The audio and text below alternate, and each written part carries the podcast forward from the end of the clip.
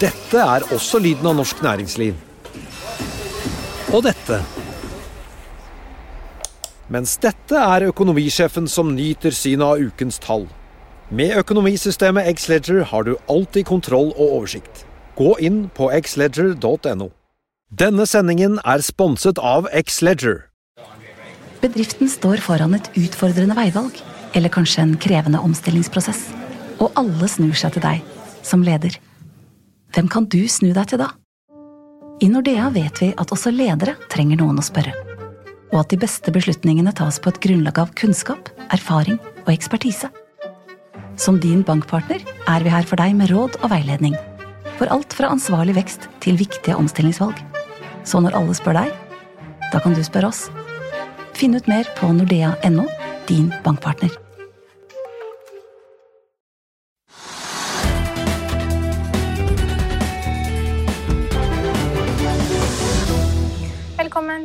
Økonominyhetene i dag, tirsdag. I dag skal vi se nærmere på hva som rører seg på Oslo Børs. Vi skal også gjennom USA og Europa. I tillegg har vi snakket med konsernsjef i Nille, Kjersti Hobøl, etter at selskapet i dag eh, måtte permittere 1000 ansatte og stenge ned 121 butikker i lys av den nye nedstengningen for korona bl.a. i Viken fylke. Vi begynner med noen nyheter fra Oslo Børs. Salmones Kamanchaka straffes på børs i dag etter at selskapet melder om høy laksedødelighet. Aksjen er ned 7% Meltwater har lagt en halv milliard på bordet for et fransk markedsundersøkelsesselskap. Det er med på å sende kursen opp 6 Sparebank1 Markets mener Rana Gruber, som ble børsnotert for litt over to uker siden, vil betale ut 36% av dagens markedsverdi i utbytte i løpet av et par år. Meglerhuset anbefaler kjøp av aksjen med kursmål 80 kroner, og aksjen er opp 2,5% på børs akkurat nå. Vi tar også med oss at Salaris får en oppjustering av kursmål fra 63 til 75 kroner, og kjøpsanbefaling av Arctic Securities. Den aksjen stiger 3,5 Oslo Børs er akkurat nå ned 0,3 Trygve. Vi har koronauro, smittespredning, rekordhøye smittetall og en veldig kraftig nedstengning i Norge akkurat nå. Er det med på å legge en demper på Oslo Børs? Ja, det tror jeg faktisk nesten. Altså, på den måten man stenger det nå, så er det veldig hardt og veldig omfattende. Og rammer jo alle typer butikker, unntatt uh, apotek og, og, og, matvarer. Og eh, det stenges jo ned for, for fote akkurat nå. Det er tusenvis av arbeidsplasser som blir stengt etter de som man trodde man var kommet over det. Uh, og det er det, de, altså, det, det, rammer jo ikke alle selskaper, men det rammer veldig mye detaljland. Det rammer liksom folks holdninger. Og folk får ikke lov å reise bort, og de får ikke lov å reise til venner engang. De får ikke lov å ha mer enn én eller to gjester hos seg. Uh, så det gir et veldig dårlig, dårlig, inntrykk, og det vil på en måte også prege økonomien fremover. Uh, og så er det da mange som irriterer seg over da, liksom at man ikke får klarhet i disse vaksinene. ikke sant, AstraZeneca som da skulle være en stor bidragsyter i Norge, de har liksom blitt borte fordi at myndighetene har sagt at vi må sette AstraZeneca på hold. Og det har fem-seks andre land også gjort, og de tør altså ikke bruke AstraZeneca. Fordi man er redd for det at hvis man bruker det, man, kan man få blodpropp. En kvinne er død pga. det. Og Det skaper også en sånn dårlig holdning. Det har ikke noe med aksjekursen generelt Det er ikke liksom aksjekursen i DNB eller i Norwegian eller hva det måtte være, men det skaper en ganske rar stemning. Og så tror jeg også folk er sånn litt lei av alt sammen. Så er de lei av at man ikke kanskje har grepet inn i tide på de riktige stedene. eller Man har ikke villet stenge skoler og barnehager og sånn. Eller man vet at massevis av smitten foregår nå blant skoleungdom. Har ikke gjort noe med det før nå. Det syns folk er irriterende, det tror jeg. Uh, og det er også andre ting som de føler at man ikke har gjort, nemlig at man, selve smitten er veldig konsentrert i Oslo eller i området, veldig øst, i visse bydeler av byen. Så har man ikke gjort noe ekstra med det. liksom. Man har liksom latt alle komme under samme kam. og det er, Så jeg tror at det er Folk er lei, det er slitsomt, man syns ikke at myndighetene har gjort det rette. AstraZeneca-katastrofen, eller hva man nå vil kalle det. Og så rammer da de som nå tror at nå skulle jeg få AstraZeneca-vaksinen denne uken eller neste uke, så vet de ikke hva de får. Så de som har forespeila at vi her i Norge kan glede oss til en gjenåpning av samfunnet i mai-juni, de får jo litt uh, ja, det... motbør i dag om at det var kanskje litt for optimistisk å spå? Ja, Det er et veldig godt poeng. for jeg tror det at eh, de meldingene som kom i går, altså den nedstengningen i Oslo og smittetallene, hvordan de øker voldsomt De sier at det er en ny virus. Ja, eh, det er kanskje mulig, men, det er veldig langt fra det vi trodde bare for to-tre uker siden. Da trodde vi liksom at vi ville komme i gang igjen i mai, juni, juli. Og det er vi ikke i nærheten av. Plutselig så tenker man liksom vi er heldige som kommer i gang igjen i norsk økonomi. På ferier, på reiser med fly eller hva det måtte være, til Europa. Kanskje da slutten av, på slutten av sommerferien. Så at budskapet som har kommet de siste dagene, er veldig annerledes enn det som var bare for noen uker siden. Og det er stort sett bare negativt. Skal man se på noe positivt, eller jeg vet ikke om det er positivt, så går det bedre i USA. I hvert fall så bra at Joe Biden planlegger det første store skattehoppet siden 1993. Ja, nå kom de med noen svake tall altså konsumvarer. da. Det, og det var I februar det var svake tall, og det, var, det, er ikke noe rart, for det er utrolig nedstengning i USA også. Altså, folk mister jobbene sine, de har ikke samme permisjonsmulighet og reglene som vi har. De har ikke like mye penger. Nå skal de få støttebeløp fra staten, det er veldig mye penger faktisk. Men, men, men eh, folk har, har, hatt lite å rutte med. De folk har, mange bor dårlig, bor tett osv. Slik at konsumet har gått ned. Eh, men samtidig som de sier at konsumet har gått ned, og det har vi sett tallene for februar, så har, har, det da kommet tall for veksten i økonomien i amerikansk økonomi som skal være veldig god. Om man snakker om en vekst på 6-7% det er veldig mye, det skjønner jeg ikke noe av når man ser hva som har skjedd i økonomien. Og så kommer Biden og sier at det skal komme massevis av skatteøkninger for å ta de rike, og kanskje ikke de aller rikeste, kanskje, eller de rike, men de skal iallfall slå kraftig til for å skaffe penger til alle de hjelpeprogrammene som nå er på en måte settes i verk. Det er veldig fornuftig at man skal få penger i budsjettsammenheng til da de eh, støttetiltakene man, skal sende ut. Og alle amerikanske husholdninger, altså alle amerikanere skal i prinsippet få noe penger fra staten for å komme i gang. Eh, men hvis han nå varsler kjempeskatteøkninger, så er det noe som også da ofte legger en dempe på investeringene og investeringslysten. Og folk blir sure og grinte av det. så det, det er mixed, mixed signals fra USA. Ja, for at USA-børsene åpnet jo opp før oss eh, i dag. Vi åpnet opp klokken halv tre. Og der steg SMP 500 faktisk da til en ny rekordnotering. Så, så... Ja, så var det ny rekord på Dow Jones i går. Og jeg så også det, det som interesserte meg litt, var at flyselskapene gikk ganske rett opp. Fordi man da kanskje aner at liksom, når alle får så mye penger mellom hendene, så vil de reise mer på ferie, reise fra New York til uh, Florida eller hva det måtte være. Uh, så aksjekursen gikk opp fordi man da mener liksom at det som kommer inn av penger i systemet, det er mye, og det kommer til å hjelpe. Eh, men om det varer så lenge, det er jeg i tvil om. Og Når du sier flyselskapene, så var jo også RCL ute og annonserte at de nå skulle ha sitt første vaksin vaksinasjonscruise fra Israel. Og da skulle det bare være vaksinert crew og vaksinerte passasjerer om bord. Ja, det er også kjempespennende. Nå har jeg litt med cruise å gjøre, som du vet, så det følger jeg med på. Men altså, det, det, som har kommet også frem, er at i Israel er nå alle, alle vaksinert. Og da starter da cruisebusinessen sin ved å ta ett skip Jeg vet ikke om det var der før også, det er jeg ikke sikker på med å ta ett skip ut derfra, hvor liksom alle har fått vaksine, og alle, alle gleder seg, alle er vekk fra, da, liksom det, fra, fra, fastlandet, og kanskje være da, en båt hvor mannskap og alt er vaksinert. Det høres ikke så dumt ut, og det kan kanskje gå bra. Men de har jo, da RCCL, ikke sant? De, de, har jo da, de taper fem milliarder i måneden eller sånn. Fem milliarder i måneden. Men kan dette bli fremtiden? Altså fullvaksinerte cruiseskip eh, på si, ferd? Jeg vil ikke si noe om det, men jeg vil tippe det at mange cruiseselskaper kommer til å kreve, altså, øh, kreve at vaksine er tatt på forhånd. Det er vaksineattest, vaksinepass, eller hva man vil måtte kalle det. Det tipper jeg de vil kreve i fremtiden for passasjerene. Og i hvert fall at det har testet det kortere enn én en eller to dager før avgang. Og alle mannskap må selvfølgelig testes hele tiden, og alle mannskap får også vaksine. Ja, Du må i hvert fall regne med at uh, mannskapet er vaksinert.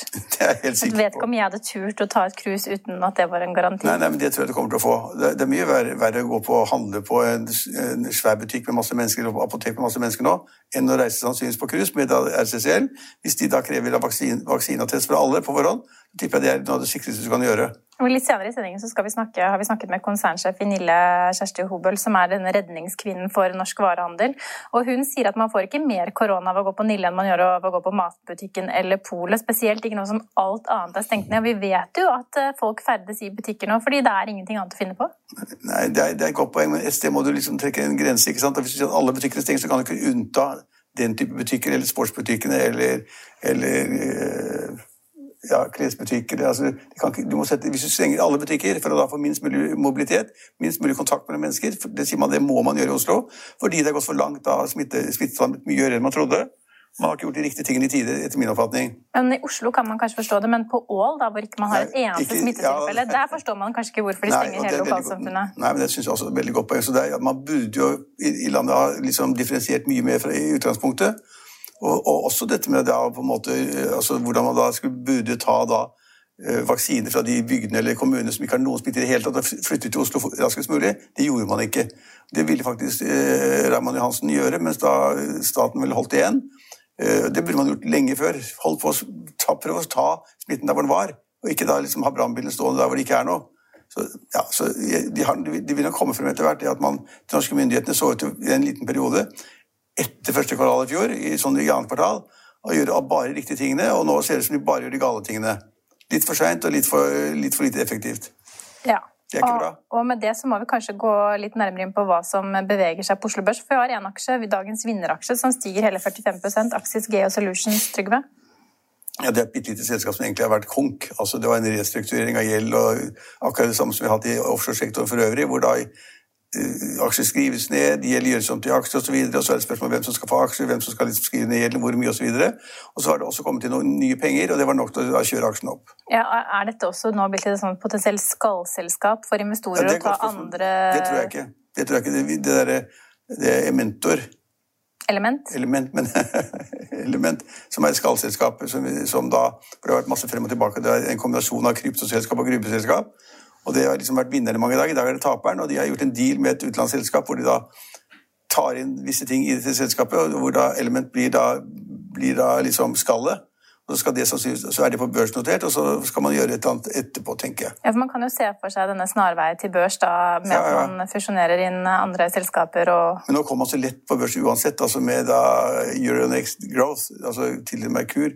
Man kommer så lett på børs, og det er nesten ikke krav i det hele tatt. Så kan man si at det er behovet for å kjøpe seg et skall og komme på børs i løpet av en uke, det er ikke like stort som det var. Det er ikke sikkert Oslo Børs eller Euronext Growth er spesielt fornøyd med at du sier at det er så lett å komme seg på børs. jo, de er har jo de siste ukene kjempet hardt for at de har strenge regler også for Euronext Growth-selskapene. Det er kanskje De sier vanskelig å forstå? de sier det, men det er jo, de, de, man, man, så vidt jeg har forstått, så er det da ikke krav på historikk på tall osv. Det er ikke noe særlig bra på regnskap, og det er også svake, svake krav på andre områder, sies det. Jeg har ikke gått inn i det selv, men det sies. det. Alle som er borti nå, sier at det har vært slappe vilkår for å komme inn, og derfor, det er derfor alle selskaper strømmer dit. De kommer inn med en gang, alle sammen. Og ledelsen ved Oslo Børs sier nei. Ja.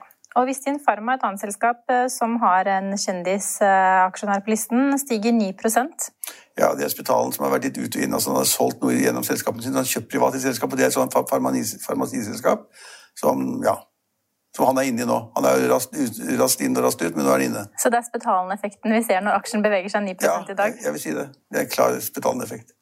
I tillegg så bør vi kanskje ta med oss at Åshild Tveitereid, en annen eh, svært kjent investor som har eh, veldig god track record, har nå gjort comeback i Protektor forsikring. Ja, han er veldig god, det syns jeg også. Han Gjør riktige ting hele tiden. Er, har ikke store porteføljer, men kanskje fire-fem aksjer.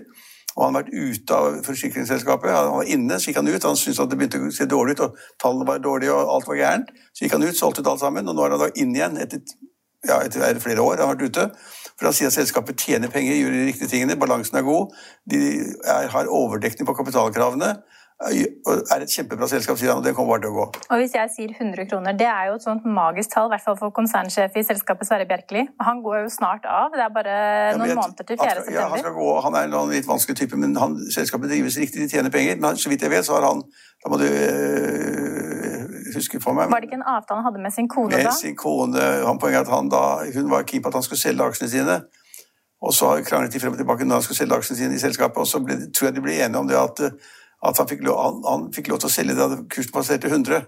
Da kunne han selge uten å få krangel med kona. Og han tror fortsatt da at aksjen kommer til å nå 100 før ja, er- er den i dag, da? Den uh, er akkurat nå faktisk bare opp 0,5% Ja, men hva... Men uh, jeg får den ikke opp på listen. Nei, men i hvert fall så skulle, skulle familien forenes om at han da kunne gå ut av selskapet da, hvis kursen passerte 100. Ja, og så er det jo litt morsomt da. Han ville vi- ikke selge, men da måtte han selge, så vidt jeg kona sa. Ja, For å selge selger 100 så var det mye penger at det skal jeg ha nå, jeg òg. og hvis jeg prøver å lete her, så kan vi også ta med akkurat nå så har vi en teknisk analyse av aksjen liggende ute på finansvisen.no for de som er interessert i det.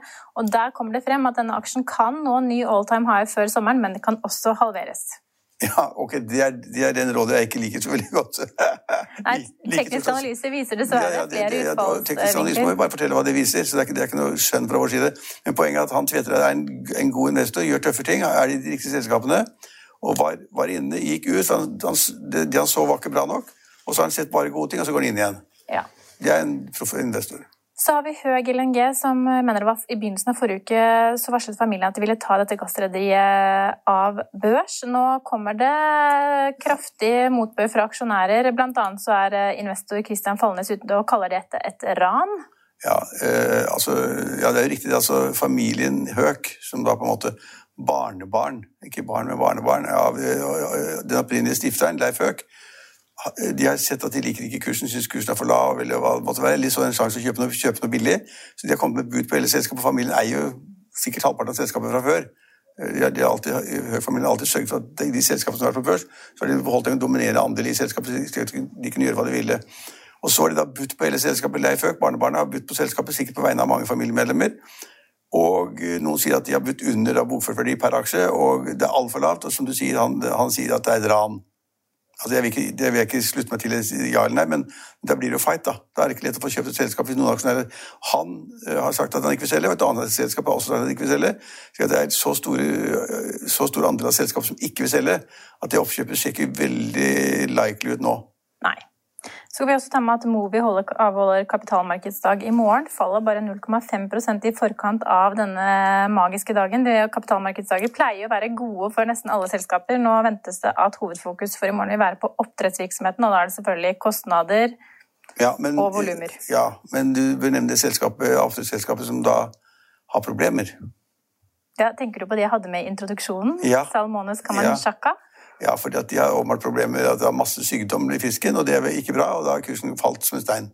Ja. Og mer om det kan man også lese på finansavisen.no. Ja. Hey, I'm Ryan Reynolds. Recently, I asked Mint Mobile's legal team if big wireless companies are allowed to raise prices due to inflation. They said yes. And then when I asked if raising prices technically violates those onerous two-year contracts, they said, "What the f*** are you talking about? You insane Hollywood ass." So to recap, we're cutting the price of Mint Unlimited from $30 a month to just $15 a month. Give it a try at mintmobile.com slash switch. $45 up front for three months plus taxes and fees. Promoting for new customers for limited time. Unlimited more than 40 gigabytes per month. Slows. Full terms at mintmobile.com. Dette er også lyden av norsk næringsliv. Og dette. Mens dette er økonomisjefen som nyter synet av ukens tall. Med økonomisystemet Xledger har du alltid kontroll og oversikt. Gå inn på xledger.no. Da skal vi videre til konsernsjef i Nille, Kjersti Hobøl, som mener nedstengningen i Viken er dramatisk for retail-segmentet. Kjersti Hobøl, konsernsjef i Nille. Eh, dette året har vært preget av strengere nedstengninger enn noen gang, og i går besluttet Viken fylke seg for å stenge ned. Der bor det 1,2 millioner nordmenn. Hvilken eh, innvirkning får det for, det for Nille? Det får jo en ganske stor implikasjon for oss. Vi har nå måttet stenge i Viken 121 butikker og permittere de ansatte som jobber i de respektive butikkene. Så det er klart at for oss, med foran nå en god og stor påskesesong, eh, som, og påsken er jo stor i Norge for det norske folk, så, så er dette ganske alvorlige konsekvenser. Vil du beskrive situasjonen som dramatisk? Jeg vil si Så lenge jeg har jobbet i retail og med retail i Norge, så har vi vel aldri hatt en sånn tilsvarende situasjon som dette her. Eh, og det er klart at det er dramatisk. Og det er dramatisk for de som jobber i butikkene, som nå igjen blir permittert. Eh, og som ikke vet egentlig når butikkene får åpne igjen, og om eh, dette vil ha betydning på lengre sikt på, på arbeidsplassene deres. Eh, netthandel har jo i stadig større grad blitt viktig for eh, varehandelen. Hvordan eh, forholder dere dere til netthandelen og, nettbutikken? Ja, nå er det sånn at Nille har jo vært ute i ganske hardt vær og er jo eid av og ble overtatt av DNB i 2018. Så det er jo et lite plaster på såret da, at vi for en time siden i dag faktisk åpnet nettbutikken til Nille. Fordi det har ikke vært mulig å ha det som førsteprioritet eh, de siste årene. Fordi vi har jobbet med å redde kjeden og sikre kjeden at den er eh, levedyktig. Men eh, da var det bare å gi gass og trykke på og få nettbutikken vår opp og stå. Sånn at vi kan prøve å være leveringsdyktige til alle kundene som ønsker å handle i Nille-butikker. Du har jo lang erfaring i retail og sist fra Kid. Hva kan du si om hvordan nedstengningen virker inn på retail-segmentet generelt? Det er jo ikke bra for retail, for de fysiske butikkene, at det blir stengt over lang tid. fordi Forbrukerne er jo sånn at de finner nye løsninger og en, finner løsninger for å dekke de behovene de har. Samtidig så tror jeg også dette veldig godt viser oss alle at butikkene faktisk har sin misjon. At det å gå ut og handle og få inspirasjon og oppleve litt ting. At det, det blir en ganske trist og annerledes hverdag hvis vi alle bare skulle handlet på nett fremover. Så, sånn sett så kan det kanskje komme noe godt ut av det over tid. Så vi må jo se gjennom dette her, og vi må jo evne nå å planlegge for at det blir bedre tider. Det må vi jo ha tro på. Du beskriver påskesesongen som populær. Vi vet at for kjeder som deg, eh, dere, XXL Kid og andre i varehandelen, så er det nærmest et vårslipp å regne. Eh, hvordan blir den perioden nå? Nei, Den blir jo litt sånn stusslig og trist. og det, det er jo, For, for en gjengse nordmann så er jo påsken Nest etter jul da, så er jo påske en av de store tingene hvor vi har fri, hvor vi kan være sammen med familie og senke skuldrene. og vi vi ønsker jo å ha det hyggelig sammen. Og det å både pynte og kjøpe inn godteri fra påskeharen, holdt jeg på å si, det jo, er jo lange tradisjoner i Norge. Så det å bli avskåret fra det, er jo ikke bra. Og jeg lurer jo på om man har vurdert og tenkt gjennom konsekvensen hva som vil skje ute i matbutikkene nå, når det er så mange steder som ellers vanligvis selger ting som vi bruker i påsken, som nå bare alle blir stengt ned. Og eh, hvordan det kaoset kommer til å bli når matbutikkene etter hvert går tomme nå. For de er heller ikke rigget for at absolutt alle andre konkurrenter ikke skulle få lov til å selge noen av varene. Nei, Du har tidligere sagt at du frykter, at, uh, frykter mer butikkdød fremover. Uh, nå snakker vi om at det kan jo hende at det blir positivt for de fysiske butikkene at man uh, ser behovet for dem. Men betyr, frykter du at det kan være flere av disse 121 butikkene dere nå har stengt, som ikke vil åpne igjen på den andre siden av nedstengningen? Altså, Vi vil jo åpne alle butikkene våre når vi får lov til det. Men det er klart at eh, presset både på, på, på kjedenes soliditet og binding av arbeidskapital som, i form av varelagre som blir liggende ute i butikkene og som ikke lar seg realisere. Altså Påskevarer etter påske har ikke veldig stor verdi.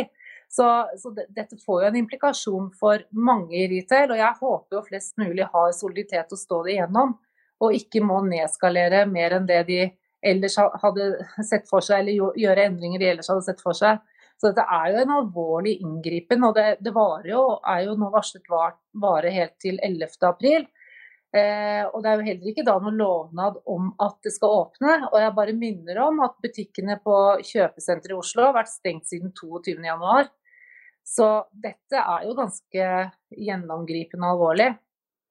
Og ikke skjønner jeg at det blir mer smitte ved å gå i en Nille-butikk samtidig som du går på Polo og dagligvaren og apoteket. Eh, jeg tror bare det blir at folk konsentrerer seg om å være på færre steder. Så jeg syns jo dette her er veldig, veldig rart. Det må jeg jo si. Du er kjent som redningskvinnen i norsk eh, varehandel. og Hva blir den største redningsoperasjonen, tror du, eh, på den andre siden av korona?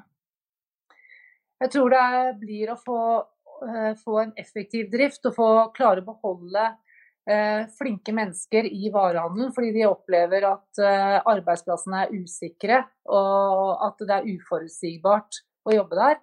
Og det har jeg full forståelse for.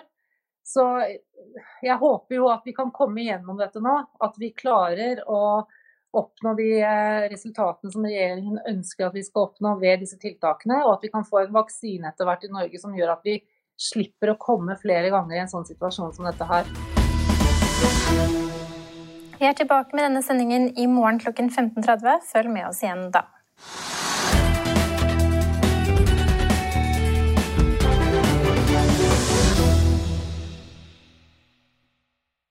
Denne sendingen er sponset av X-Leger. Imagine the softest sheets you've ever felt. Now imagine them getting even softer over time. That's what you'll feel with Bowl and Branch's organic cotton sheets. In a recent customer survey, 96% replied that Bowl and Branch sheets get softer with every wash. Start getting your best night's sleep in these sheets that get softer and softer for years to come. Try their sheets with a 30-night guarantee. Plus, get 15% off your first order at bowlandbranch.com. Code BUTTERY. Exclusions apply. See site for details. ACAST powers the world's best podcasts. Here's a show that we recommend. This is Roundabout Season 2, and we're back to share more stories from the road and the memories made along the way. We're talking rest stops, if we're stopping to get gas. You will be timed. you will be for sure. Misguided plans. I grew up in the city, so I have like you know, a healthy fear of real extreme darkness. this was like wilderness. a lot of laughs, Y'all weird, but you, yeah, you, you were different. Like you were real different, bro. I can't really put my finger on it.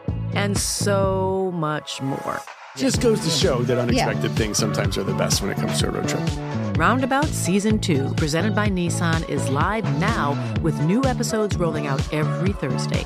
Listen and subscribe wherever you get your podcasts.